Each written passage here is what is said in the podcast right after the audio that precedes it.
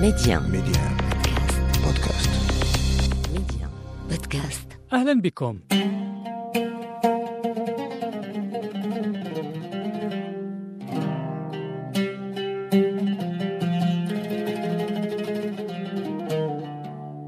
حديثنا عن الدبلوماسية الدينية يختتم اليوم في هذا العدد الذي نخصصه للنقاش حول إمكانية استخدام الدبلوماسية الدينية حتى مع من نختلف وإياهم في الدين المعتنق. من أجل تقريب وجهات النظر والدفاع عن قيم الدين والأمة والوطن.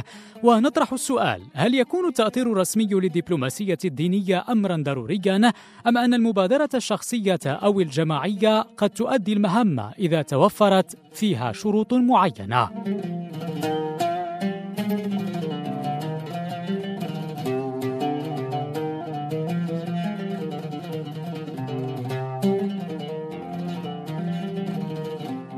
حوارنا يستمر إذن مع الدكتور عبد الرحيم شطيبة نائب عميد كلية الشريعة بجامعة سيدي محمد بن عبد الله بمدينة فاس ومنسق ماستر الدبلوماسية الدينية. أهلا بك أستاذي الكريم في هذا العدد الختامي. أستاذ شطيبة عندما نتحدث عن الدبلوماسية الدينية هل تشتغل فقط في حال كانت الأطراف الأخرى للبلدان الأخرى لها ارتباطات وميولات دينية تماثل تلك الموجودة, الموجودة عندنا أم أنه بإمكانها أن تحقق اختراق حتى في الدول التي ربما قد لا نشترك وإياها في المعتقد أو أنها تشمل معتقدات مختلفة. في نظري لما كنتكلموا عن الدبلوماسية الدينية المغربية خصنا ننتبهوا واحد المسألة. أولا هي منظومة يعني تتشكل من عدة جوانب. الدبلوماسية الدينية لا ترتكز فقط على الجانب الديني إنما تشتغل على اولا تطوير حتى طريقة التفاوض. طريقة التواصل من من من أسسها وهو بناء تواصل ديني. كنقول تواصل ديني خطاب ديني. ما بغيتش نقول خطاب ديني كنقول تواصل ديني لأنه يشمل ليس فقط الخطاب يشمل الإعلام يشمل يعني حتى واحد الآلية استراتيجية في التفاوض وفي يعني في إقامة العلاقات. وهذه العلاقات دائما حتى شوف نذكرك بواحد المسألة ديال صاحب الجلالة ديال ديك العلاقة اللي عندنا مع إفريقيا ديال رابح رابح اذا كتذكر هذه المسألة طبعا. هذه. فالدبلوماسية الدينية مثلا المغربية في علاقة بلدان افريقيا ليس الهدف منها فقط إحياء ذلك التراث الروحي. التقليدي وإنما كذلك هو العمل على تنمية هذه الدول. ولذلك اصبحت الدبلوماسية الدينية على الأقل بما بالشكل اللي كنظروا لها إحنا داخل كلية الشريعة من خلال المواد التي تدرس. ففي نظرنا على الأقل المواد اللي هي مبرمجه مبرمجة لتدريس هذا المجال.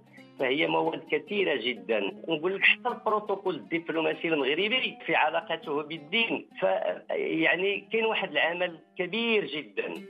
فالمملكه المغربية تشتغل على عدة أوجه. ليس فقط يعني لما نقيم دبلوماسية دينية ليس فقط أننا نش يعني نبني خطابا ديني دبلوماسيا يعتمد في اتجاه واحد. لا نعم. وإن وإنما يعتمد اليات أخرى. آلية استراتيجية في إقامة التفاوض في اختراق بعض الفضاءات المغلقة. إقامة المساجد إقامة بعض الجمعيات مساعدة الساكنة على يعني لتأهيل يعني مستواها المجتمعي. فكاين هذا وهذا هو الدين حتى الدين الإسلامي في حد ذاته دائما اهتم بالجانب الروحي والجانب المادي للإنسان. فلا يمكن أن أن نطلب من الإنسان يعني أن يقتصر فقط على التعبد دون أن يهتم بالجانب الآخر. ولذلك كان الإسلام يعتمد فرعين أساسيين في الحياة هو فرع يتعلق بالعبادات والآخر يتعلق بالمعاملات. فالدبلوماسية الدينية المغربية يمكن أن نصفها بهذه الشكل. هي دبلوماسية دينية تهتم بالعبادات عبادات يعني مبنية على ركائز أساسية اللي هي المذهب المالكي والعقيدة الاشعريه والتصوف السني وعلى المعاملات المعاملات ب يعني المعاملات في جميع تجلياتها واللي كلها سواء كانت المعاملات ما بين الإنسان والإنسان أما بين الزوجة والزوج ما بين الأطفال ما بين الشعوب. كلها كيف ما كانت هذه المعاملات فلا بد أن يكون هناك الاحترام المتبادل وفهم الآخر والإنصات إلى الآخر ومساعدته على تجاوز يعني بعض المعيقات التي تؤثر سلبا على حياته كيفما كانت. فهذه هي الدبلوماسية الدينية المغربية وهذا هو النموذج الديني المغربي الذي يحاول المغرب ماشي لتصديره ابدا ولكن للدفاع عنه باعتباره يعني آه، ركيزة أساسية يمكن أن تعمل على تخليق العلاقات الدولية العلاقات الدولية أو السياسات الخارجية للدول وأن تؤثر إيجابا آه، بهدف يعني إقامة علاقات مبنية على الاحترام المتبادل ما بين الشعوب وبين الناس. طيب آخر سؤال وأتمنى أن يكون جوابك مختصرا هنا هل نتحدث. يعني بالحديث عن الدبلوماسية الدينية هل نتحدث عن مجال آه، يفترض أن يخضع بالضرورة لإشراف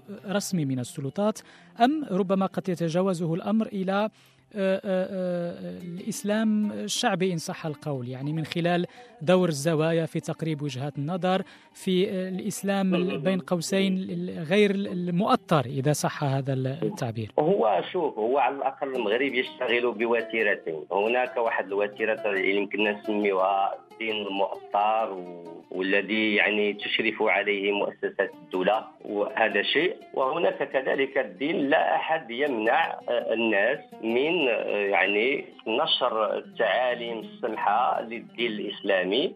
والتأثير على الآخر دفاعا أولا على الوطن ثانيا دفاعا عن القضايا الكبرى للمغرب. فكل واحد منا كيفما كان يعني كيفما كانت صفته سواء كان مرشدا دينيا أو باحثا جامعيا أو طالبا في طور التكوين كل واحد منا من حقه أن يحاول أن يؤثر على العلاقات الإنسانية لكي تكون علاقات مبنية على الاحترام وعلى المحبة وعلى التسامح واللي المرجعية ديال هذا الشيء كامل هو فعلا الدين الاسلامي السمح بالشكل الذي نعتقده نحن ونؤمن به واللي كيتعلق بالثوابت الدينية المغربية. فأي واحد ينخرط في إطار الثوابت الدينية المغربية يمكنه أن يتكلم عن الدين وباسم الدين. للتاثير على الآخر. شريطة أن لا يفتي في الدين لأن الفتوى لها أهلها ولها مؤسساتها. صحيح. آه، الأستاذ عبد الرحيم شطيبة منسق ماستر الدبلوماسية الدينية بكلية الشريعة التابعة لجامعة سيدي محمد بن عبد الله بمدينة فاس ونائب عميد الكلية ذاتها. شكرا جزيلا لك على وقتك شكرا. وعلى كل توضيحاتك سيدي الكريم. شكرا جزيلا. شكرا, شكرا لك سيدي أمين. شكرا لك. ميديا ميديا بودكاست ميديا بودكاست